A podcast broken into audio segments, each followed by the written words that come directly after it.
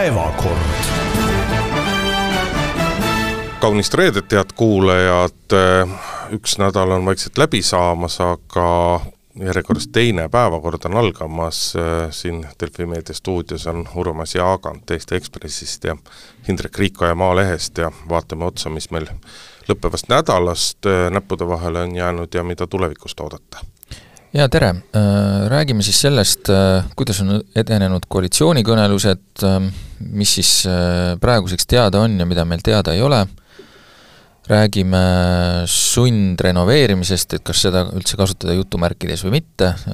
mida see siis nagu tegelikult tähendab, mille üle suur lärm on kerkinud,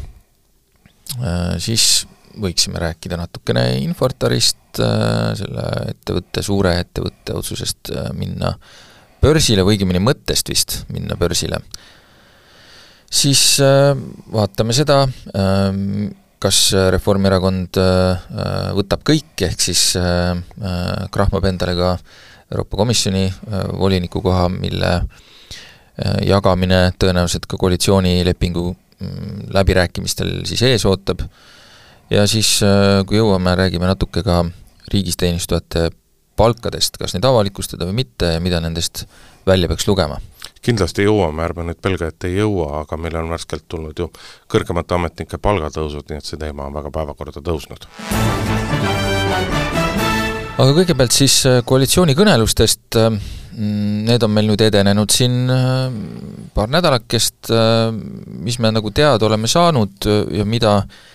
mida me siis veel ei tea, no üldiselt mulle tundub, et tempo on tõesti võrreldes nagu varasemate kordadega selline rahulik, äh, räägitakse pigem rohkem kui vähem, äh, infot välja anda on vastupidi jällegi pigem vähem kui rohkem, äh, aga mingeid asju ikkagi on kuulda, mida on arutatud ja noh, kas sellest me võime rääkida, kas juhuslikult või mitte, on, on kerkinud ka sellised nii-öelda erimeelsused või mingisuguseid erinevaid seisukohti mitmetes teemades, et ma ei tea, võib-olla peaks siis võtma siit kuidagi kuidagi järjest neid selliseid, mis on nagu rohkem kõlama jäänud? ma tahtsin sulle korra vahele tõrgata, torgata selle nii-öelda kiiruse või aegluse kohta, et äh, ikkagi tasub meenutada, et pärast eelmisi Riigikogu valimisi sai valitsus ametisse alles aprilli lõpupoole, et äh, selles mõttes väga nüüd venimises ei saa süüdistada või väga kiirustamises ei saa praegusel hetkel nagu läbirääkijaid süüdistada ja käiakse koos, tiksutakse, Marek Reinaas ütles just eile intervjuus Maalehele, et jube hea on, kui sul on kivist tagumik ja pokkerimängija, et oled harjunud sellise pika istumise ja mitte kuhugile jõudmisega, nii et noh, eks see on selline noh, kui see tsementeeriks meile põhja, põhja sellele, et tõesti üks valitsus võiks neli aastat vastu pidada, oleks ju tore, aga aga kas me seda julgeme loota, on iseasi. jah, ma ei tea, no mulle praegu näib, et see, et see lähenemine paistab olevat selline, et nagu need tavaliselt, tavaliselt käivad koalitsioonikõnelused niimoodi, et kõigepealt alguses lepitakse kiiresti kokku see formaat, kuidas siis koos käiakse, mis teemaplokid ja kuidas, kuidas neid arutatakse ja siis neid hakatakse nagu ükshaaval nagu läbi hekseldama ja siis seal mingeid kokkuleppekohti, ühisosa otsima ja erimeelsusi lahendama. et äh, nüüd on nagu sarnane, aga mulle tundub, et siin on tehtud ka selline süsteem, et need nii-öelda teemad käiakse läbi selles mõttes ilma sinna nagu neid nii-öelda rahanumbreid külge panemata, ehm, siis äh, kaardistatakse ära nii-öelda erakondade nagu seisukohad, mida keegi soovib, millised need on, ja siis tehakse, mulle tundub siin nagu üks ring lõpuks veel, et kui selle raha küsimuseni jõutakse, et kui need, kui need kõik need soovid on reas, siis, siis jääb see asi selline, et et äh, vaadatakse, et äh, kui siit jääb miski alles, siis teisest kohast tuleb midagi vähemaks võtta, ai kui seda ei saa vähemaks võtta, no siis peab kuskilt mujalt, ja niimoodi siis loksutatakse seda asja kokku, et siin on kaunis küsimus või kuldne küsimus on ikkagi see, et kui väga Eesti kakssada ja sotsid tahavad valitsusse saada, et kui valmis nad on Nad on leppima sellega, mis Reformierakond neile ette kirjutab, sest et kui rääkida nende kahe erakonna inimestega, siis nad ka ütlevad, et noh, et mis viga praegu on rääkida praegu on kokku leppida, kui räägitakse põhimõtetest, tuleb jälle see kuldne tõdemus, et toetame, tegeleme, analüüsime, aga, aga asi, mida peljatakse, on see, et, et lõpus, kui tuleb ka, peab rahast rääkima hakata, hakkama, et siis Reformierakond üritab niisuguse suure teerulliga väiksematest partneritest tugevalt jõupositsioonilt üle sõita, et et kas sellega tahetakse leppida või mitte, see on see kuldne küsimus muidugi. no mulle tundub, et mingil määral sellega tuleb leppida, et kui me vaatame seda nii-öelda kohtade jaotust, siis sellega on väga raske vaielda, et äh, rahva toetus on poliitikute kapital ja sellega kolmekümne seitsme mandaadiga nagu naljalt ei vaidle, eks. ühest küljest on õige, aga teisest küljest noh, siin on armastatud rääkida sellest, et kuidas ilma Reformierakonnata ei ole valitsust võimalik teha ja ja see matemaatika kõik on õige ja see kõik pädeb, aga see ei ole tegelikult nagu nii lihtne, et et nii kui Reformierakonnale midagi ei meeldi, nii ta viskab ühe tule parda ja võtab nagu järgmise asemele, et üks asi on, on see tohutult suur ajakulu, aga tegelikult iga sellise nii-öelda, iga sellise sammuga Reformierakond nõrgestab ennast nende järgmiseks koalitsioonileppe rääkimiseks, et kui saab see, juhtub see nüüd siis kohe, juhtub aasta pärast, kahe või kolme pärast, kui Reformierakond hakkab uut koalitsiooni moodustama, siis ta on automaatselt kohe nõrgemal positsioonil. ja, ja peab arvestama ka, et ega ju Reformierakond ei taha läbi kukkuda, et äh, need koalitsioonikõnelustel äh, nemad neid alustasid, nemad peaksid need ka lõpuni viima ja ma arvan, et nad ka seda väga hoolega äh, mõtlevad ja noh, on ju selge, et e-, ega ju valitsemine saab olla edukas siis, kui kõik on ikkagi tunnevad, et nad on midagi saanud, jah, nad on ilmselt pidanud, enamik on pidanud enamikust loobuma, et no see on see, et hea kaup on ikka see, kus kõik tunnevad, et nad on natuke petta saanud. just, et aga noh, seda, et, et selle raha küsimuse pärast võib minna päris teravaks, on ju näha juba sellest, et millest Reformierakond neid kõnelusi nagu kavalalt alustas, et lasi lasi kõigepealt Rahandusministeeriumil seinad, laed aknad mustaks värvida selle rahaseisu osas, milles riik on, mm, ajakirjandus ka seda kajastas ja arutas, äh, kui hull ikka kõik on, on ju, kas see päriselt äh, noh, ütleme, ta kindlasti päriselt, ma ei ütle, et need numbrid valed on, eks ole, muidugi, ma ütlen lihtsalt seda, et äh, seal on tavaliselt, on võimalik nagu noh, teha natuke raamatupidamist ka, et neid asju kuhugi liigutada, sinna-tänna, tõsta mingeid asju ühest kohast teise, niimoodi, et see noh, et see olukord äh, päris lõpuni nii hull ei ole ja muidugi meil on ka teadmata veel need prognoosid, maksulaekumised, äh, mis need täpselt nagu tulevad ja nii edasi, et seal kindlasti see olukord on, äh, ütleme, see ei ole nagu väljapääsmatu, selles mõttes ikkagi natuke nägi see algus välja selline, et et tõmmata nagu koalitsioonipartneritel veidi tuure maha, et no, et esitada selline äh, vähem mustem pilt igaks juhuks. no kohe põrutati ära see, et miljard tuleb kärpida ja jäeti mulje, nagu see miljard tuleks kärpida, kui mitte sellel, siis hiljemalt järgmisel aastal, aga natuke on hakatud tagasi tulema, et äh, vot siin ei taha nüüd Maalehele järjekindlat reklaami teha, aga Maris Lauriga oli ka usutlus eilses lehes, mis noh, ütleme, et väga palju Äh, väga palju ta ei ütelnud välja sellest, et mis siis saama hakkab või mitte, aga üks asi, millest ta rääkis ja millega on ka teised, mida on teised Reformierakonna liikmed hakanud rääkima, on see, et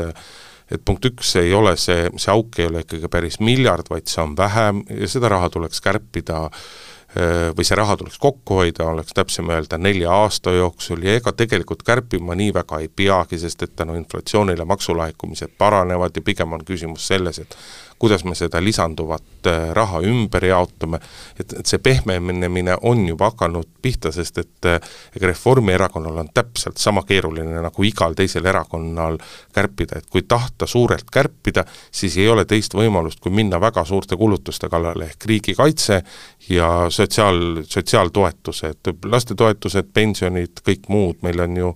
siin äh, Soomest on ju värskelt ettepanek, kus Soomes on mõne nädala pärast valimised ja sealne sealne Rahandusministeerium tegi ettepaneku, et kärbime pensioni tõusutempot, võtame erinevatest toetustest midagi maha, tõstame käibemaksu hüppeliselt toidule ja pisut ka kõigile teistele, et noh, see ei ole, see ei ole nagu reaalsus. no kui vaadata jah, mida ütles, mida on ka rahandus, praegune rahandusminister Anneli Akkermann öelnud, siis äh, Tööandjate Keskliidu volikogul ta ütles ka väga toredasti, täpselt nagu sa ütlesid, et et eeli-, ta eelistab pigem rääkida kokkuhoiust kui kärpest ja siis äh, põhimõtteliselt nagu välistas äh, eelarve parandamise nagu tulude tõstmisega, mis põhimõtteliselt tähendab seda, et maksutõusu justkui ei tule nojah, ma, mulle meeldib eriti see, et äh, mida sa ka ütlesid, et äh, räägime kokkuhoiust, mitte kärpest, no kuulge, see on täpselt sama asi ju. kokkuhoid tähendab seda, et kuskilt võetakse ikkagi midagi vähemaks, mida oli planeeritud et.... Kas võetakse midagi vähemaks või siis ai-, ai, jääb juurde andmata, et meil on ikkagi väga paljudel sektoritel on väga selge ootus, et et sealt tuleb, kas me räägime riigisektori palgatõusudest, kas me räägime erinevatest toetustest, palju kõneainet on pakkunud pakkunud see nii-öelda peretoetused ja lastetoetused, mis tõsteti siin eelmise parlamendi aja jooksul ära, aga aga see on tegelikult, kui me vaatame kogu toetuste budžetti, siis see, see on, see on kübemekene, no mitte päris kübemeke, aga ikkagi väike osa, aga meil on tegelikult terve hulk valdkondi, kus äh, räägime puudetoetustest, räägime hooldajate tasustamisest, äh, hooldajate toetamisest ja, ja millest kõigest veel, kus on väga selge nii-öelda hüppelise kasvu ootus sees. Jah, mina, mina pigem nagu ootan just huviga seda, et näha, et mis siis see nagu see lahendus on, et kui kui meile öeldakse, et nagu kärpima ei minda, küll kokku hoidma, siin natuke muia, muiates seda ütlen ja äh, öeldakse ka, et äh, tulude kasvust ehk siis maksutõusude, maksutõusudest seda positsiooni ei paranda, siis ma tegelikult ikkagi tahan näha juba nagu niisuguse hasardiga, et mis see, mis see trikk siis on, kuidas see asi nagu kokku jookseb, et et äh, see saab olema huvitav, alati on midagi niisugust toredat välja mõeldud. mis see, mis see räägi, trikk on? see trikk on see, et äh, Reformierakond annab äh, pisut tagasi oma, oma maksuküüru lahendamise plaanis, mille, mille hinnaks arvustas Rahandusministeerium ennem valimisi välja üle neljasaja miljoni euro, seal antakse pisut järgi Äh, ei lubata nii kõrgeid äh, nii-öelda tõuse asju ja siis ilmneb see, et ega see laenu võtmine nüüd tegelikult ikkagi nii väga saatanast asi ei ole kah. ja nelja aasta pärast riigieelarve tasakaalus veel ei ole. no küllap ta ei ole jah, et ühesõnaga me siis näeme seda, et äh, mingisuguseid noh, siin lubatud, et teeme võimsaid reforme, siis mul, sinu kirjelduse järgi mulle tundub, et tuleb niisugune tasapaks tavaline asi, nagu kas sa ootasid tehakse. midagi muud? Ei oodanud, aga, aga räägi, räägime aga natuke teistest asjadest ka, mis meil teada on äkki sellest, äh, mis on nagu natukene tähelepanu saanud. ma tahtsin ennem korra arutada, et kas meil siiski nagu midagi on näppude vahele äh, Äh, näppude vahele jäänud ka mingisugustest lubadustest või asjadest, äh, et kas meil on valdkondi, noh, minule on maaelu, põllumajandus olnud ikka südamelähedane ja seal on küll tuldud välja selge lubadusega, et et nii-öelda erakorraliste üleminekutoetustega põllumajandusele ja maaelule jätkatakse, ilma küll numbreid taha panemata, aga kui me mõtleme, et meil on siin viimastel aastatel olnud ka valitsusi, kes on näiteks top-up'i to-, top-up'i toetused riigieelarvest täiesti välja unustanud, siis see on küll ilma rahanumbriteta,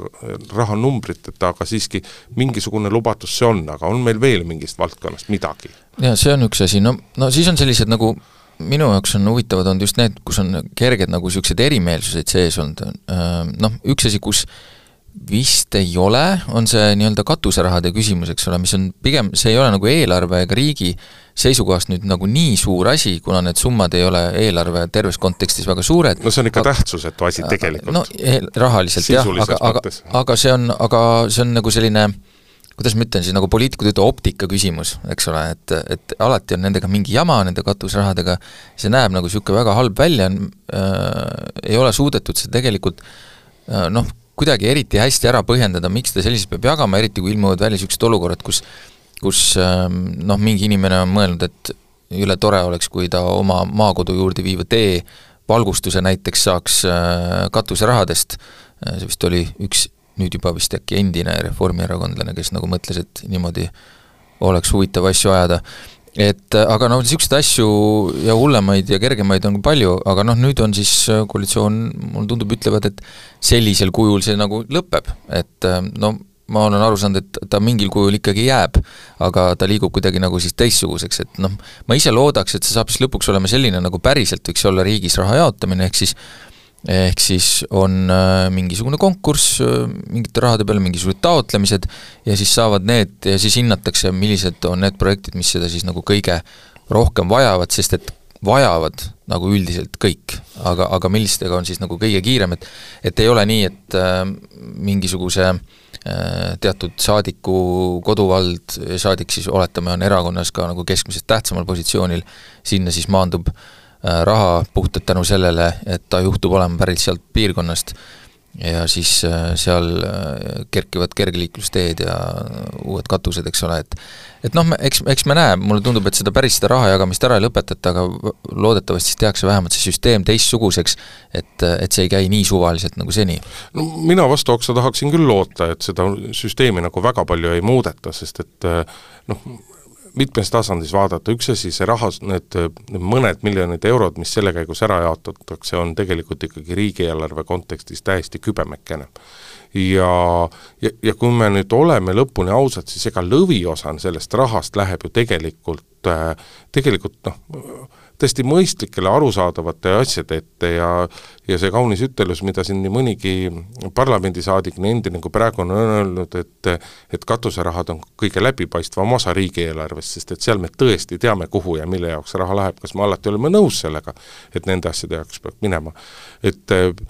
minu arust ajakirjandus ei peaks mitte nii väga olema katuserahade kui sellise turjas, vaid just nimelt selliste nii-öelda nagu jaburuste turjas, et eh, endale kodutee valgustamine, Eesti suhtes ütleme siis eh, pehmelt öeldes vaenulikult meelestatud organisatsioonide toetamised ja sellised asjad, noh, sellised asjad peaksid sealt loomulikult kadunud olema ja kui midagi sisse tükib, siis siin on küll see koht, kus ajakirjandus peab nagu kisama. aga see, et et parlamendisaadikud mingisuguse osa rahast ja ikkagi suhteliselt väikse osa rahast suunavad ma ei tea, kümnetele erinevatele väikestele MTÜ-dele, kes kes tegutsevad oma kodukohas ja kellel ei ole tegelikult reaalselt kuskilt mujalt võimalik seda raha saada, selline asi ei peaks ära kaduma ja kui me hakkame siin nagu mingisugust konkursivooru või midagi tegema, no kuule, sellega me tekitame ju ainult sellist bürokraatiat ja administratiivkoormust juurde, mitte no, ma ei ole selles mõttes ei ole nõus, et asi peab olema nagu läbipaistev ja nagu võrdne, võrdne kohtlemine on äh, riigi toimimise nagu kõige su-, põhilisem alus ja, ja siin ei saa, minu arust ei tohiks siin ikkagi nii olla, isegi kui need summad on väikesed, siis peaks see võrdle koht-, võrdse kohtlemise printsiip siin olema. Ja mis mulle siin veel ei meeldi, on see, et tegelikult omavalitsused, kes, kes võiksid ja peaksid saama meil iseseisvamaks, peavad siis lootma, et nende piirkonnast saadik er, kandideeriv poliitik pääseb kuhugi, kus ta saab mingisuguse, pudistada mingisugused paar tuhat eurot selleks, et kuskil midagi remontida, et meil on nagu oh, ma ei taha seda üldse vist avadagi, seda teemat, kui, kui halb see on, et meil omavalitsused nii nigelad on, et, et nad peavad niimoodi seda raha saama, et et aga loodetavasti meil ka asjad muutuvad, mulle tundub, et uuel koalitsioonil on mõtteid, kuidas omavalitsuse, omavalitsuste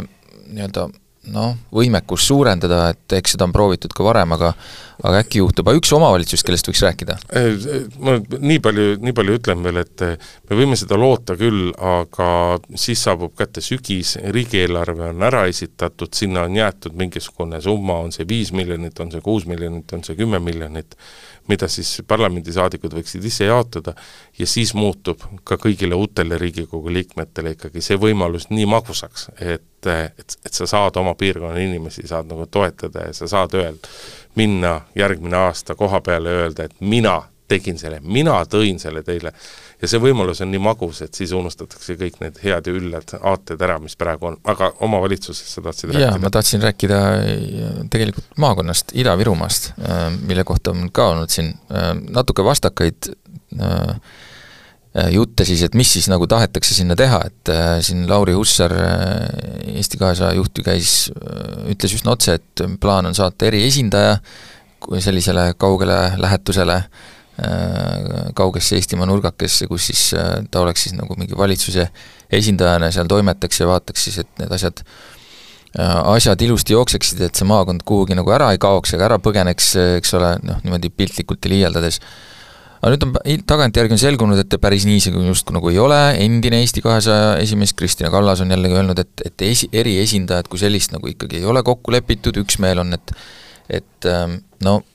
sinna piirkonda siis vajaks rohkem valitsuse kohalolu, millega vist on ju äh, tegelikult on laias plaanis raske vaielda, aga päris täpselt siis ei saagi ikkagi aru, et mis siis nagu teha tahetakse, et mul on tunne, et et tegelikult ikkagi midagi sellist eriesindaja moodi tahetakse teha, aga kas see on selline üks persoon või on see mingisugune nii-öelda osakond või üksus, äh, mis saab kuskil siis seal ruumid ja hakkab seal toimetama, noh, ei tea, milline see täpselt välja näeb, aga see mõte vist on enam-vähem ikkagi see, et et äh, kuidagi noh, valitsus seal kuidagi seal siis nagu nähtavamaks teha? no see bravuur, millega Lauri Hussar välja tuli, noh, see on tegelikult näide sellest, et, et mis juhtub mis juhtub noorte poliitikutega, kui nad on värskelt parlamenti pääsenud ja, ja mis juhtub nendega eriti siis, kui nad kohe nii-öelda peavad korraga astuma ikkagi väga mitu sammu enda jaoks täiesti tundmatus valdkonnas, et, et kui sul pole mingisugust poliitilist kogemust ja siis sa järsku hakkad koalitsiooni läbirääkimisi pidama, et siis, siis tulevadki sellised lapsused, lapsused sisse, oleme ausad, noh nagu Riigikogu eriesindaja saatmine või riigi eriesindaja saatmine äh, Ida-Virumaale, noh ma, ma ei see tea. see kõlab natuke nagu üheksakümnendad. see kõlab ikkagi väga nagu üheksakümnendad, kus me olime nagu, seisime silmitsi olukorraga, kus oli, kus oli tõsiselt põhjust karta seda, et eh, Ida-Virumaa üritab Eesti Vabariigist lahku lüüa ja ja, ja tükki veel hullemaid asju, et sellest me peaksime ikkagi olema siin kahekümne, kahekümne kolmandal aastal küll kaugel, kaugel, kaugel, aga aga olemuslikult loomulikult Ida-Virumaaga tuleb tegeleda, et sellest on räägitud peaaegu kakskümmend aastat, ma mäletan ise, ma olin olin kahe tuhande üheksandast aastast paar aastat riigiteenistuses ja kuidas siis käis teineteise võidu Ida-Virumaa strateegiate koostamine, kõik ministeeriumid ehm, planeerisid, käisid koha peal rääkimas, tutvustamas, mida iganes nagu tegemas, Marko Pomerants vedas vedas omakorda eest äh, tegevusi äh, riigi, Eesti riigi kohaleviimist Ida-Virumaale,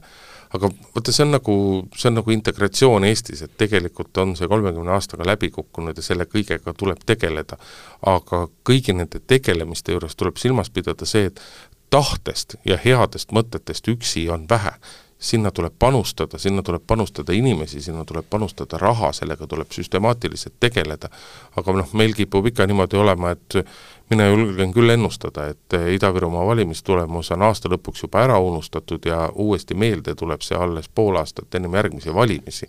ja vahepeal on, on vaikelu, nii ta on, on siiamaani alati läinud. jah, kardet-, kardetavasti küll, aga noh, loodame, et see nii ei ole, no mis võib-olla aitaks seda võib-olla seekord tähelepanu seal nagu paremini püsida, ongi see, et eks sinna läheb nagu väga palju tõesti toetusi. Ja eks eks nende rahade noh, kasutamist äh, peab ju mingil määral suunama, mingil määral nagu juhtima ja kõik seda, et võib-olla see siis nagu hoiab seda tähelepanu, aga mul natuke, natuke naljakas on jah see, et et ütleme, äh, üks asi, meil on ju olnud tegelikult valitsuse esindajad maakondades, need olid maavalitsused kunagi, oli niisugune asi, et see on nagu veidikene naljakas nagu kuulda, et äh, kuidas tuleb tagasi see nagu mõte, et äh, peaks olema nagu valitsuse esindaja, noh okei okay,, praegu me räägime ühest maakonnast, aga meil on ka teisi maakondi, mis on Tallinnast kaugel, eks, et äh, kas sinna siis ka ja siis oleks ju, siis me jõuame nagu ühel hetkel sellise küsimuseni, et äkki, et äkki need maavalitsused olid nagu selles mõttes head asjad. aga noh, see oli pigem nagu irooniaga öeldud, aga siin on oluline, mida kõigis nendes tegevustes silmas pidada, on see, et riik on teinud väga selgelt selle vea, et äh, et Ida-Virumaaga tegelevad ja Ida-Virumaa inimestele mõtlevad ja, ja, ja neid lähenemisviise mõtlevad välja siin pealinnas eestlased, aga eestlane ei suuda, noh, see on objektiivne paratamatus, et äh, vene inimene mõtleb teistmoodi kui eesti inimene. Ja, ja kõiki neid lähenemisi, neid plaane peavad tegema inimesed, kes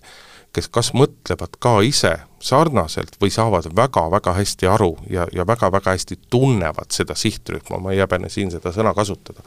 et, et ei, ei ole võimalik, eestlasel ei ole võimalik teha vene inimesele reklaami ja, ja nii edasi, nii edasi, nii edasi, et kõiki selliseid asju tuleb, keegi ma ei mäleta, kus ma seda kuulsin või lugesin, seda head näidet sellest, sellel nädalal oli, käis läbi, et et eh, Narvas on näiteks väga palju eh, politsei- ja piirivalveametnike esindajaid, sest et seal on suur piiripunkt ja kõik edasi. aga üks probleem, millest välja toodi, on see, et, et inimesed lähevad tööle erariietes ja seal panevad mundri selga, aga aga, aga Narva inimesele mõjuks väga hästi, kui need inimesed paneksid mundri selga juba kodus ja ka läbi linna jalutaksid mundris, sellepärast et noh, sellised märgid need, need on olulised seal, need mängivad rolli. Narva inimesed, ka, ka tavalised inimesed väga hindasid seda, kui Kersti Kaljulaid eh, käis Narvas, eh, töötas Narvas eh, seda mitu nädalat järjest, teda oli nagu näha, sellepärast et noh, vaatame, kuidas asjad Venemaal toimuvad ikkagi, et see nii-öelda see võim, otsustaja, kõrgemal seisev inimene, see, see on hästi oluline, see tema kohalolu on oluline. et, et kui mõeldakse Ida-Virumaa peale, siis, siis seda tegelikult peavad mõtlema samasugused inimesed, kui Ida-Virumaal elavad. ja ma lihtsalt kardan jah, et, et äh, siin praegu tegeletakse sellega, et et kuna see valimistulemus oli Ida-Virumaal selline, nagu ta oli, siis äh, võib-olla poliitikud ise äh, on selle enda jaoks analüüsinud juba ära sellisena, et see oli nagu pigem protest, aga noh, avalikkus, avalikkuses see ikka tekitas äh, mingisuguseid võnkeid ja siis nüüd sellele tuleb reageerida või siis sellise jällegi moodsas poliitilises žargoonis seda tuleb adresseerida, nüüd siis hakatakse seda adresseerima, loodame, et see jõuab ka nagu adressaadini siis see asi ka nagu päriselt. asju võib-olla mõne asja jõuame veel kiiresti vaadata, mis me siis kuulnud oleme, noh, üks asi, äh, see Nursipalu küsimus, noh sellega läheb nii, nagu läheb, äh, nagu oli arvata, et see pidur, mida Reformierakond enne valimisi tõmbas, oli siis selleks, et need valimised rahulikult ära pidada, ja nüüd siis on, oleme jutuga jälle sealmaal, et et äh, hakatakse muutma seadust, et äh, see et sinna saaks selle harjutusväljaku laiendamise teha siis riigikaitselise erandina, mis siis on selline äh, kiire äh, ja noh, tõhus protsess, eks. siin kindlasti valitsus peaks silmas pidama seda, et et väga kiiresti tuleks asjad klaariks saada kõigepealt nende inimestega, kelle maad jäävad jäävad selle laienduse alla ja, ja neile tuleb läheneda nii-öelda kiiresti konkreet-, konkreetselt ja, ja väga noh, ütleme siis ilusasti, soliidsete lahendustega, et eh, ehk piltlikult öeldes neile lihtsalt tuleb hüvitada väga korralikult see, et nad oma maatüki ära annavad ja see ei ole kindlasti asi, mis riigile üle jõu käib, absoluutselt mitte, meie arvestades, kaitsekulutused ka veel tõusevad, kui palju nagunii Nursipalu laiendamine maksma läheb, et sealt tuleb kõigepealt see see pahameel äh, maha võtta ja siis tuleb ikkagi tegeleda ruttu ka kohalike omavalitsustega, et, et aga seda kõike tuleb teha paralleelselt, mitte et kõigepealt teeme seadused ära ja nii edasi, see, see kõik, need tegevused kõik peavad käima kõrvuti koos. jah, ongi, me oleme juba nii kaugel, et meie riik peab ikkagi juba suutma näidata seda, et et me oleme suutelised selle, selliste asjade eest ka nagu normaalselt inimestele kompen-, asju kompenseerima, seda nii-öelda kahju kompenseerima ja ma olen vist seda ka varem öelnud, et see on väga oluline selleks, et et tulevikus oleks Eestis võimalikud üldse mingid suured projektid äh,, lihtsalt äh, kui inimesed teavad, et nad saavad selle eest äh, ka sellise mõistliku ja väärilise nagu tasu selle, nende nii-öelda kannatuste häiringute või siis kõige hullemal juhul, eks ole, sunnitud minema kolimise eest, siis siis võib-olla see vastuseis ka äh, mingitele muudele projektidele veidikene äh, nagu väheneb või see hirm, mis mulle tundub paljuski juhib neid, neid vastureaktsioone ilma enne, enne nagu aruteludesse laskumatagi juba. et, et see võib-olla siis nagu natukene noh,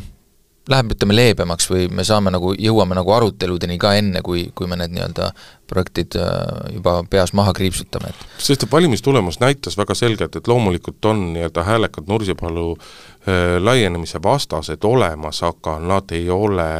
nad ei moodusta enam, tõenäoliselt enamust selle piirkonna inimestest ja selle piirkonna elanikest, et selles mõttes äh, noh, nagu ikka kipub olema, et eh, on olemas vähemus, aga vähemus on väga häälekas ja siis tekib tunne, et, et nad esindavad kõiki, aga tegelikult see ei ole nii.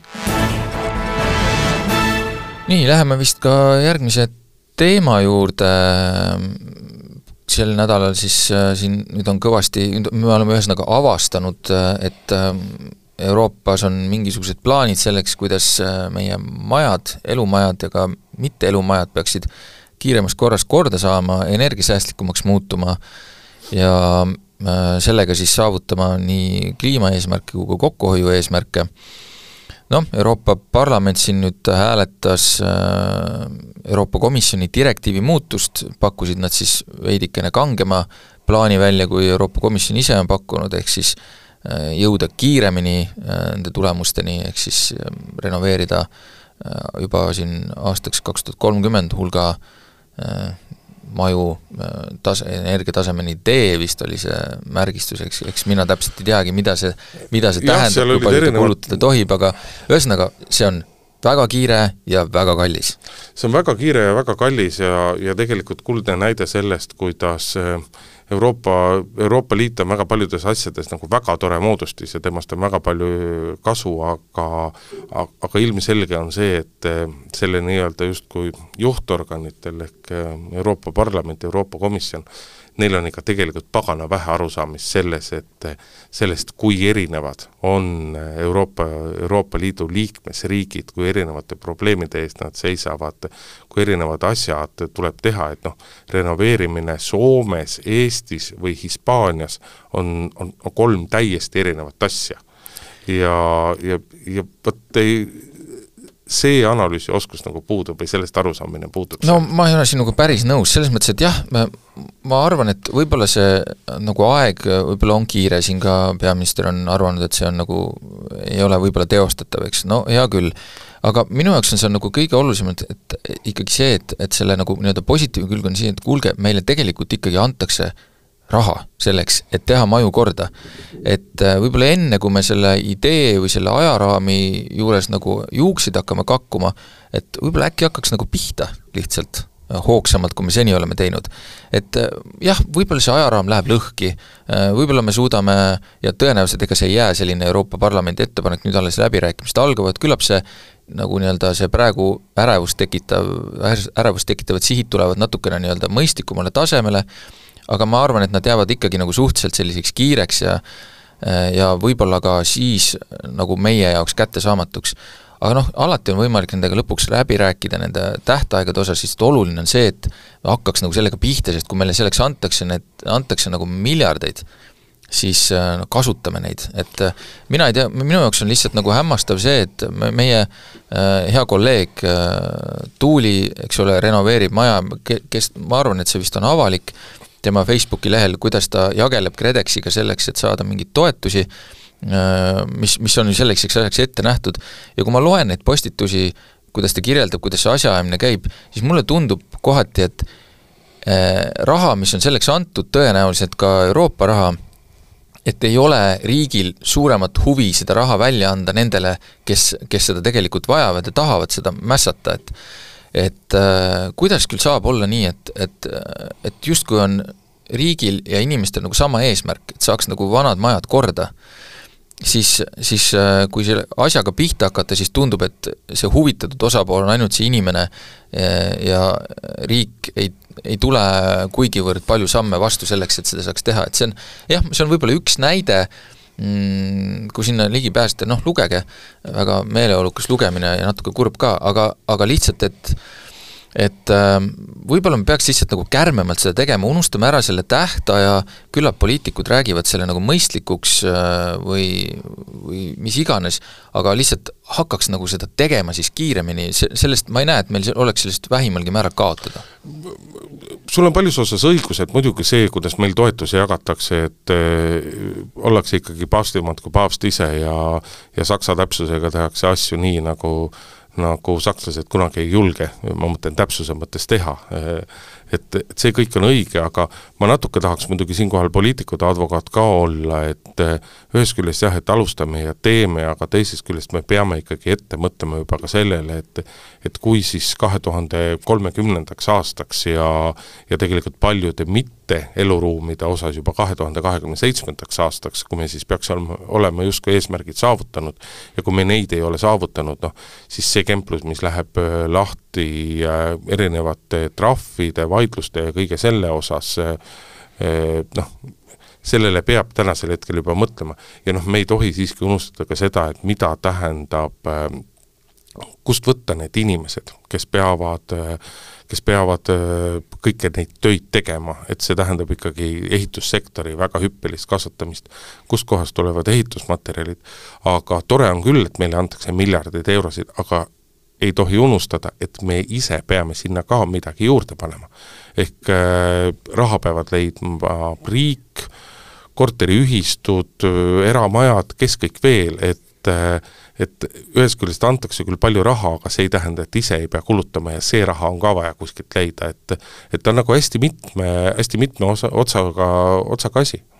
ma olen sellega nõus jah, muidugi on seal nagu probleeme selles, kindlasti me näeme neid osasid ette, kindlasti me leiame sealt ka asju, mis, osasid, mida,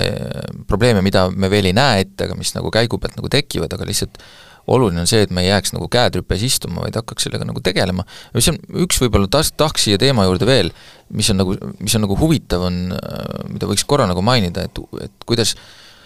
kuidas meil on tekkinud nagu mingi selline olukord, kus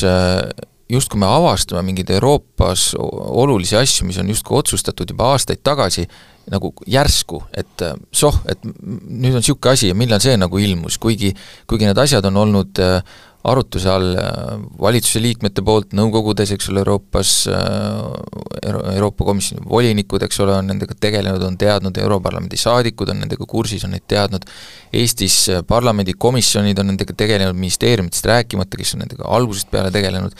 ja siis ikkagi saabub nagu mingi kuidagi niisugune teadmine, et kust see siis nüüd järsku tuli, et et ja mulle tundub kohati ka mõningaid poliitikuid tabab see nagu sellisena, et kust see nüüd järsku tuli, et et milles siin see asi on, et kas kas meie ajakirjanikud peaksime siin vaatama endale otsa, et miks me neid asju nagu varem ei avasta, kas me liiga vähe pöörame tähelepanu asjadele, mis Euroopas toimuvad, ei suuda neid söödavaks teha või poliitikud ise ei tegele piisavalt, hääletavad kuidagi kindlasti on ajakirjanikud süüdi, võiksid rohkem rääkida, kindlasti on poliitikud süüdi, et nad võiksid rohkem äh, kõneleda, aga üks suur probleem on muidugi ka see, et äh, sina tead, mis on need kolm asja, mida ütleb keskmine Eesti ametnik siis, kui ta käib Euroopas mingisuguse mingisuguse komisjoni või komisjoni istungil või mingisugusel koosolekul, et mis on need kolm asja, mida keskmine Eesti ametnik ütleb seal Brüsselis? ei, ma ei oska öelda esimene on tere, teine on meie toetame tehtud ettepanekut ja kolmas on head aega. ehk äh, meil Eestis on levinud nagu selline narratiiv, et meie ei saa siin midagi teha, meie ei saa siin midagi öelda, meile Brüsselist öelda ja me peame tegema. aga tegelikult käivad kõigi ministeeriumi, ministeeriumide ametnikud pidevalt äh, Brüsselis, Luksemburgis, erinevatel koosolekutel, eesistujariikides, kus iganes, kus arutatakse kõiki neid asju, kus, ja kus räägitakse kõiki nendest, kõigist nendest asjadest ja suur osa meie ametnikke kahjuks, nad ei osale tegelikult sisuliselt nendes diskussioonides, kuigi see võimalus on olemas. et äh, Euroopa Liidu asjad ei ole mingisugused müstilised asjad, mis taevast pilve pealt alla kukuvad, vaid äh, valdavas osas asjades on võimalik protsessis alati kaasa rääkida, aga see kaasarääkimise töö on väga väike. no Äh, ehk siis sa siis ütled, et äh, Eesti lihtsalt noogutab kaasa liiga palju ja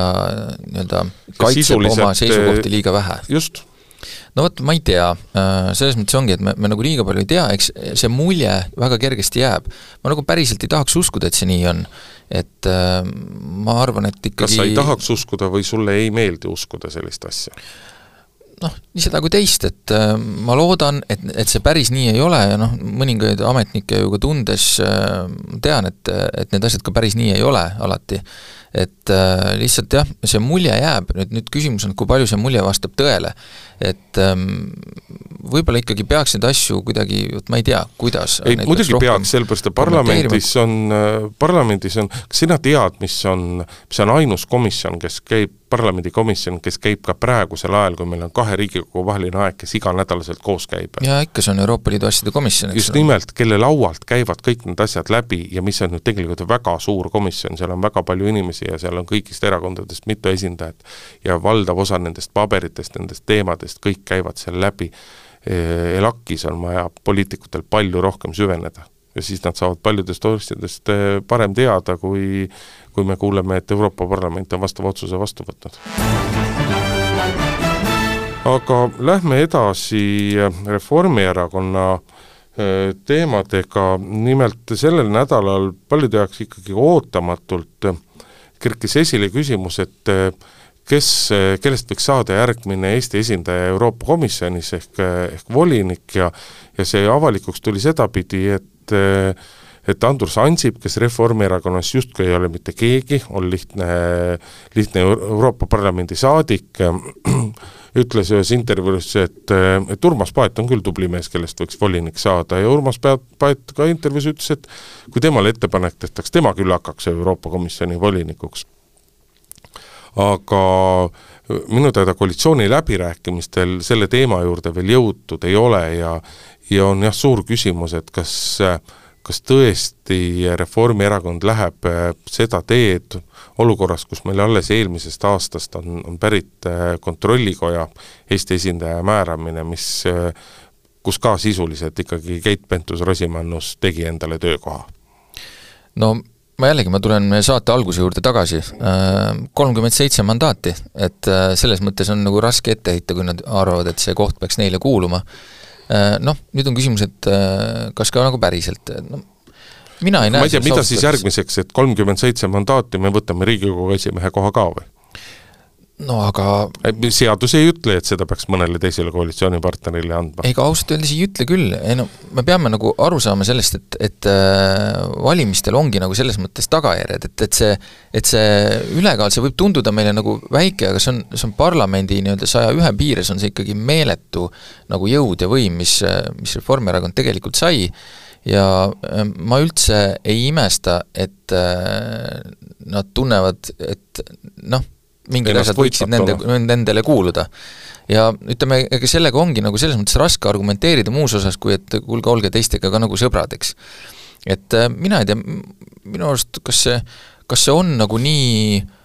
oluline üldse, kust erakonnast äh, Euroopa Komisjoni volinik tuleb, on ju, mulle tundub, et äh, see on pigem oleks, on nagu tähtis see, et ta selle tööga nagu hästi toime tuleks noh, Reformierakonnas kindlasti neid võimekaid inimesi on, Eesti, Eesti kahesajas ja sotsides ilmselt ka, äh, võib-olla vähem, aga ma ei oska seda nii täpselt hinnata, aga noh, ma, ühesõnaga ma arvan, et see tegelikult lõpeb ikkagi nii, et Reformierakond selle koha saab. ja ega volinik ei pea olema poliitik Äh, volinik ju juba statuudi järgi tegelikult volinik ei tohi, äh, ei esinda Euroopa Komisjonis mitte oma kodumaad, oma lähetajariiki, vaid tema võitleb Euroopa Liidu eest. Et volinik võib olla ka spetsialist, ta võib olla ka väga tugev, ma ei tea, majandusinimene, kes iganes, aga Edgar Savisaar tundis ennast ka võitmatuna. Aga me kõik teame, mis Edgar Savisaarest ja Keskerakonnast sai, et Kesk-, Reformierakond selles mõttes võiks ikkagi mõelda ka selle peale ja noh, tegelikult ei ole ikkagi hea, kui kui järjest sellised nii-öelda võtmepositsioonid tulevad kõik ühest erakonnast, et vot siin see ongi nüüd see küsimus, et kas komisjoni määrates me peame ainult ajama parteipoliitikat või võiksime me ajada mingisugust nagu Eesti asja. ja kõige olulisem loomulikult on see, et, et tegemist oleks väga võimeka inimesega, et ta saaks tõepoolest äh, olulise koha Euroopa Komisjonis, äh, olulise portfelli endale, mitte tegeleda äh, mingisuguse neljanda, viienda või kuuenda järgu küsimusega. ja need on need võtmekohad tegelikult, eh, millest peaks lähtuma seda vali, seda valikut tehes. aga noh, kas see viis praegu lihtsalt, kuidas see nagu välja tuli, et see oli nagu suhteliselt eh, noh, see, see, see mõjus ju pisut totrana ja tobedana, kui endine eh, Eesti kõige staažikam peaminister, kes on olnud ise ka Euroopa Komisjoni voliniku ametis, lihtsalt ühel hetkel lambist teatab, et mul siin hea kamraad, erakonnakaaslane, et ta oleks küll võimekas ja sobiv mees sinna no,, et noh, see mõjus väga tobedalt. no võib-olla võib seda panna ka natuke teise konteksti, et ärme unusta, et meil käivad ikkagi koalitsiooni läbirääkimised, et äh, see positsioon on kaup nagu iga teine nendes koalitsioonikõnelustes, nüüd, nüüd, nüüd äh, Ansip ja Reformierakond on tekitanud niisuguse olukorra, kus teised justkui eeldavad, et see on Reformierakonnale mingi asi, mida nad tahavad, noh, nüüd see tähendab, et see on nagu äh, nii-öelda vahetusobjekt, eks, et äh, nüüd Reformierakond võib näiteks, kujutame ette olukorda, kus kus äh, nad, neil on võimalik laua taga öelda mingi selline asi, et näiteks hea küll, me, me ei ole teie selle asjaga nõus, sotsid ja Eesti kakssada, aga näiteks me siis anname teile selle koha, eks, ja siis noh, kumbki neist erakondadest, oletame näiteks, on nõus sellise asjaga, Reformierakond äh, pärast itsitab, et noh, see polnudki võib-olla nii oluline, aga näed, saime siin teise hea võidu, nii et mulle natuke näib see, et et see, selle väljamängimine, kuna see nägi noh, tõesti natuke kummaline välja, siis, äh, siis ma eeldaks, et see on äh, mingisugune tuleviku kauplemisobjekt mingite asjade osas. huvitav on, on see, et, et kui palju selles mõttes personaaliaga tegeletakse, et volinikku peab Eesti nimetama pisut enam kui aasta pärast aga ka näiteks presidendivalimised järgmised jäävad äh, selle parlamendi äh, koosseisu aega ja koalitsiooni tehakse meil ometigi ju neljaks aastaks, mitte lühemaks perioodiks, kas sellest teemast ka juba räägitakse, õiguskantsler sai ametisse nimetatud, tema ametiaega ei saa läbi, vot kuidas riigikontrolöriga on, ma nüüd peast ei oska peast kohe ei oska öelda, aga noh, meil on te-, tegelikult veel on nii-öelda selliseid selliseid ametikohti ju, kellest, kellest või millest võiks rääkida, et, et et kui kauge ajahorisondi taha vaadatakse, see on, see on ka omaette nagu jah, küsimus. on, kas isikute peale kokkuleppeid tehakse nii kaugele, võib-olla lihtsalt äh, lepitakse kokku mingisugune edasine protsess, kuidas siis see nagu kokkulepe saabub või et kas, kas see pigem jääb nagu ühe või teise või kolmanda erakonna äh, nii-öelda noh, täita siis, et äh, aga muidugi, need, need on alati selle kokkuleppe osad ja küllap me nendest äh, kuuleme, aga need on ilmselt lõpupoole. aga lähme edasi majandusteemadega, sellel nädalal on väga palju noh, jah, ikka teatud ringkondades kirgi kütnud teade, et äh, Eesti üks suuremaid investeerimisettevõtjaid, Infortar, kelle kõige tuntuvad, tuntumad osalused on, on Tallinkis, Läänemere kõige suuremas laevandusettevõttes ja ja Eesti Gaasis, et Infortar plaanib minna börsile, me ei tea veel väga täpselt seda, et mis tingimustel minnakse, sest et vastavate materjalide kokkupanemine veel käib, aga aga, aga siht on küll nagu väga selge ja ja seda ei ole,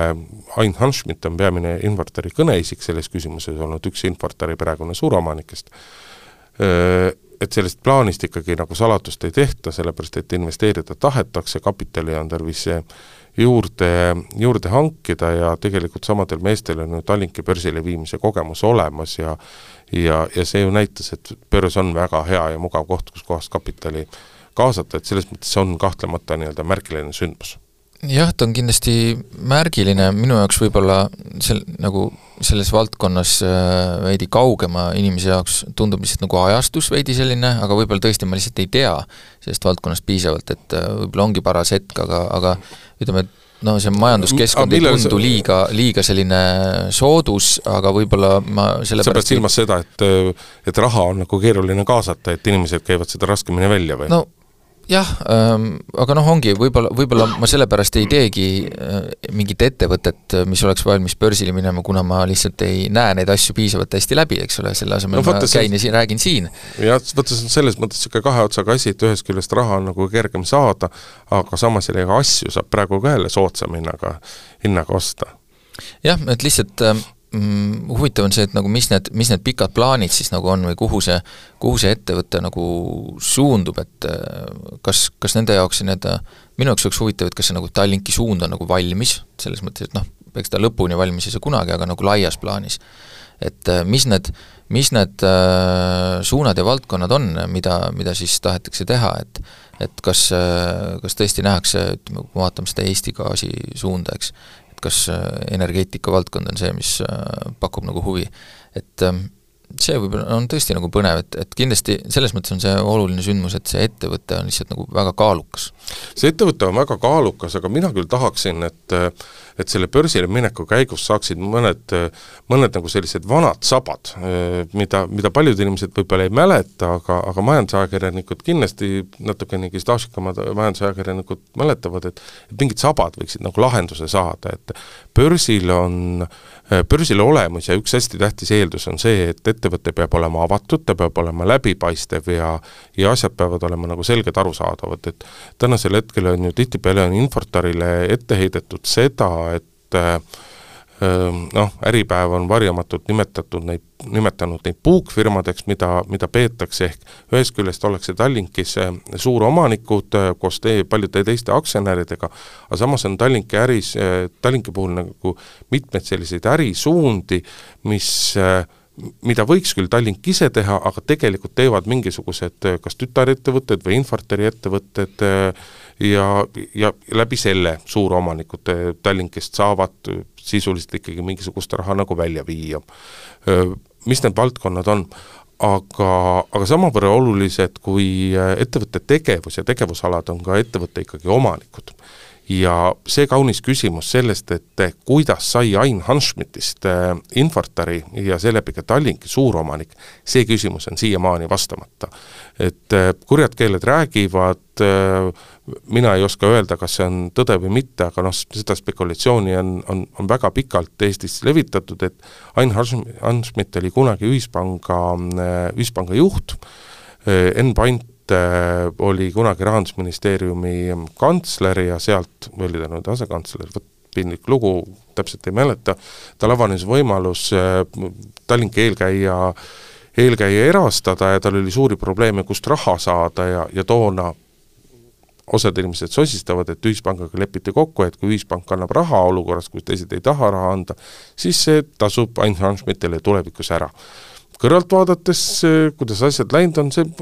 võib küllaltki tõenäoline olla, sest et see oli ikkagi avalikkusele väga suur üllatus, kui üks hetk tuli välja, et Ain Hanschmidtil selline osalus olemas on. ja varem sellest kuskilt juttu ei olnud, et minu arust see kindlasti on üks saba, mis tuleks Infortari börsile minekuga nagu lõpuks ometi läbi raiuda ja selgelt lahti seletada, et kuidas sai Ain Hanschmidtist üks Infortari suuromanikest sa kergitad kulmu ainult selle peale. jah, et ega mina seda ei mäleta, eks ole. nojah, need sündmused jäävad juba ju, eks ole, kahekümne, kahekümne viie aasta taha, et sellest on ikka päris palju päris palju vett on merre voolanud. jah, ma olen ka päris palju pikemaks kasvanud selle jooksul, eks ole, et, et äh, tõesti, sellest nii palju ei tea, aga jah, muidugi börsi, börsiettevõtetel on selline äh, selline olukord, kus see nagu läbipaistvus on hästi oluline, ähm, noh, ütleme, sellest otsusest ma järeldaksin, et, et nad ise siis äh, on piisavalt nagu enesekindlad selles asjas, et et, äh, et seda nagu sammu ette võtta. aga see on olnud Infortari suur pluss alati ja, ja, ja see on kindlasti asi, mis võiks ka nii-öelda potentsiaalseid inve-, investoreid julgustada Infortari investeerima, et äh, nende omanikud on alati olnud, äh, nad on väga enesekindlad olnud, nad on olnud alati nii-öelda väga efektiivsed ja nad on väga-väga tulemusele orienteeritud. et äh, loomulikult on tehtud ka igasuguseid äh, noh, ütleme siis lapsusi ja lollusi, eks ole, nii majanduslikus mõttes kui ka nagu avalikkuses mõttes, noh suur skandaal äh, tankijuhtide äh, kalagrillimisest äh, laeva peal ja, ja mis kõik veel, kes, kes tahab ja, ja huvitub, võib ju arhiividest üles otsida need lood, aga majanduslikus mõttes nad on olnud väga, alati väga efektiivsed, nad on väga läbimõeldud ja nad on olnud ikkagi ka väga, väga julged, et no visiooniga kindlasti. jah, et see ikkagi, kuidas omal ajal pärast Tallinki börsile tulekut Silja Line soomlaste käest ära osteti, no ütleme niimoodi, et äh, Soomes ja Rootsis jäi selle uudise pealt ikka peale ikkagi piltlikult öeldes nagu suu jäi kõigil lahti, et et olukorras, kus soomlased või rootslased on alati tulnud Eestisse, tulid nüüd ühed eestlased ja ostsid ära eh, nende kroonijuveeli. et eh, noh, selliste asjade tegemiseks on vaja sisu ja seda, seda nendel meestel kahtlemata on kevad on käes, äh, noh, tegelikult veel ilma järgi väga ei ole, aga äh, märtsikuu ja riigiteenistujate palkade avalikustamise aeg, äh, naljakalt kui see ka ei kõla, ja nüüd me oleme siis saanud aga miks naljakalt? no see natuke kõlab nagu, nagu, nagu igal aastal, kui linnud tulevad ja hakkavad pesa ehitama, eks ole, et me saame teada riigiteenistujate palgad no, no küsimus on, et kas, äh, mis sellest siis nagu arvata, me oleme nüüd saanud teada uued numbrid, äh, kuna ma segan sulle korra vahele, täpsem on öelda, et me saame teada riigiametnike palgad, sellepärast et riigiteenistujad, kes töötavad tavalise töölepingu seaduse alusel, nende palgad ei pruugi olla avalikud. jah, olgem siis jah, siin terminoloogias täpsed, et et äh, aga mis me siis teada saime, et see indeks, mille järgi nii-öelda kõrgemate äh, riigiteenijate palku arvestatakse, milles siis omakorda arvestatakse kõik järgnevad äh, on siis see indeks on äh, päris kõvasti kerkinud, äh, kerkinud on ta sellepärast, et seal sees on nii-öelda hinnatõusu komponent ja see on teatavasti olnud meil siin päris suur, nii et ähm, põhimõtteliselt siis neliteist protsenti on olnud see kasv kõige kõrgemas tipus, äh, kus on siis presidendi, peaministri Riigikohtu esimehe palgad. noh, tegelikult ministrid, Riigikogu liikmed, kantslerid, kõik nad jah, aga nemad tulevad sealt, eks ole, aga, aga, aga sellest, selle tipu järgi koefitsiendiga nad arvutatakse, et noh, nagu ikka selliste, kui palganumbrid sellised avalikuks saavad, siis äh, tekib kohe küsimus, et esiteks, et äh, kas on seda palju või vähe ja kas seda peaks avalikustama või mitte, minu arvamus on seda, see, et ei ole palju ja jah, peaks avalikustama kõrgemate ametnike puhul kindlasti nagu seda kahtlust ei ole, et seal peab see olema,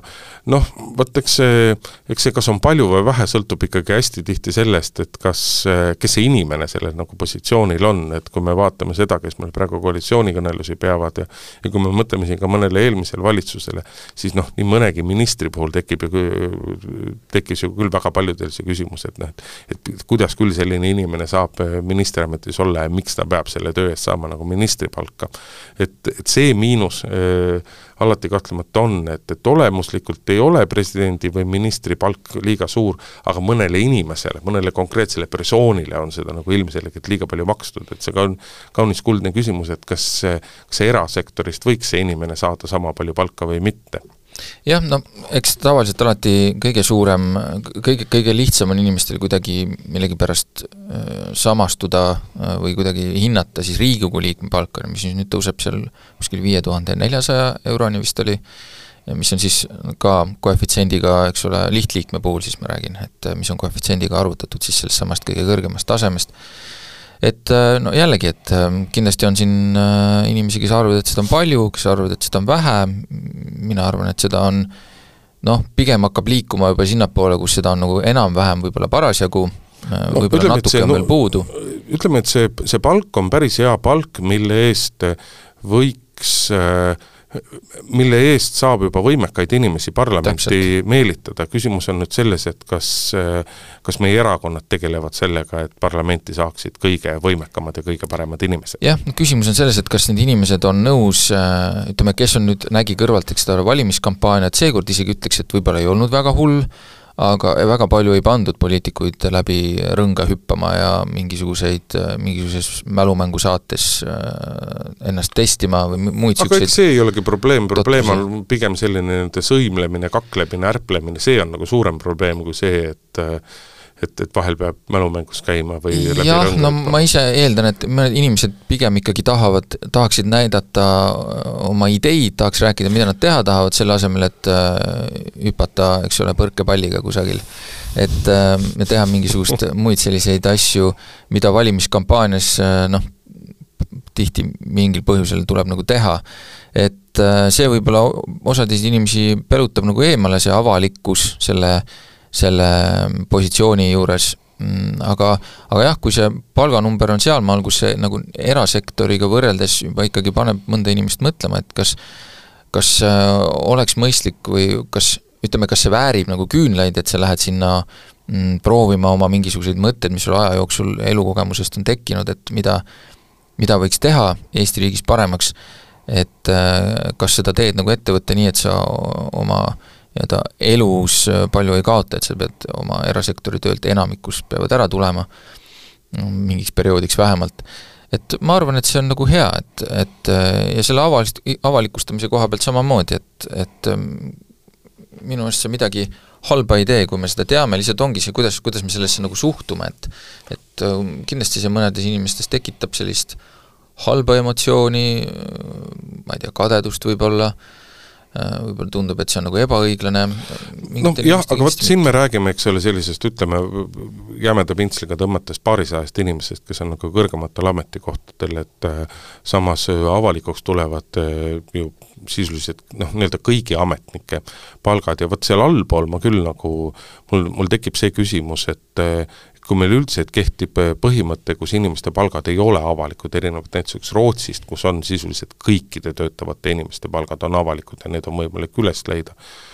kas kergema või lihtsama vaevaga, see on omaette küsimus, aga, aga see on võimalik üles leida. aga Eestis meil midagi sellist ei ole ja siis mul tekib küll küsimus, et kas äh, ministeeriumi X, osakonna X peaspetsialist või spetsialist, kas tema palk peab olema avalik, et kas, kas tema peab seda, selle võimelusega arvestama, et, et keegi võib minna uurida ja tutkida ja siis mingisugusel, sellepärast et ta on võib-olla ametniku tõesti seaduspärase, aga, aga, aga mingi inimese jaoks nii-öelda ebameeldiva otsuse pärast ta peab leppima sellega, et keegi hakkab kuskil tema palga üle arutlema ja nii edasi. et vot see on tulevikku vaadates see küsimus, mida võiks nagu arutada ja seal võiks küll vaadata, et me oleme sellest ajast ju tegelikult üle saanud, kus kus riigiteenistuse palgad olid nii-öelda nagu, nad olid märkimisväärselt kõrgemad, kui oli erasektoris ja teatud mõttes oli palkade avalikustamist vajagi selleks, et ohjeldada sellist nii-öelda mõõdutundetut palgarallit, mis, mis toimus mingisugustes ministeeriumites ja mingisugustes ametikohtades, et me oleme sellest ajast nagu üle saanud, et see oli nii võib-olla kakskümmend aastat tagasi. tänasel hetkel loomulikult on ülemaksmisi ja loomulikult on jaburisi, aga kas selle nimel peab kõikide ka reaametnike palgad avaldama ja sellega ma tingimata küll nõus ei ole. noh, seda võib siis ka uus koalitsioon arutada, eks ole, et äh, praegu meil on nagu reeglid sellised, et ega need palk kujuneb nagu teistmoodi, eks, et äh, see, see ei ole nagu nii-öelda ainult kokkuleppimise küsimus, vaid seal on ka ikkagi mingid vahemikud, kust need tulevad, selles mõttes nad mingil määral on niikuinii avalikud, et mingil määral on, et kui sa, kui sa tead, millised on, millised on ette nähtud palgavahemikud mingisuguse ametikoha peale, siis sa ju enam-vähem ka tead, mis, mis vahemikku see jääb, on ju, noh et kas, kas seal on seal tähtis sul... personaalselt, kui palju üks või teine saab, võib-olla on sul õigus, et võib-olla, võib-olla see ei olegi nii tähtis, et et kas üks peaspetsialist saab seal viiskümmend eurot rohkem kui äh, näiteks mingi teise maja teine peaspetsialist või spetsialist, noh, ma ei tea, et võib-olla see, võib-olla see tõesti ei ole nii oluline, et ähm, oluline on see, et me nagu laias laastus teaksime äh,, kuidas see nagu kujuneb ja et, et seda nagu ka järgitakse. et seda järgitakse ja et oleksid ka ministeeriumide ja ametkondade vahel oleksid nii-öelda need, tasemed oleksid suhteliselt sarnased, aga praegu me siin, me leiame suuri kääre erinevate ministeeriumide ja nende palkade vahel ja ja, ja, ja tüki hullemaks läheb siis, kui me hakkame erinevaid ameteid ja allasutusi võrdlema, siis seal on nagu need käärid palju suuremad. aga tõmbame siinkohal tänase saate otsa kokku, Urmas Jaagant, Hindrek Riika olid stuudios, kuulajatele ilusat nädalavahetust ja järgmisel reedel oleme uuesti stuudios ja uus päevakord on eetris. ja kuulmiseni! Päevakord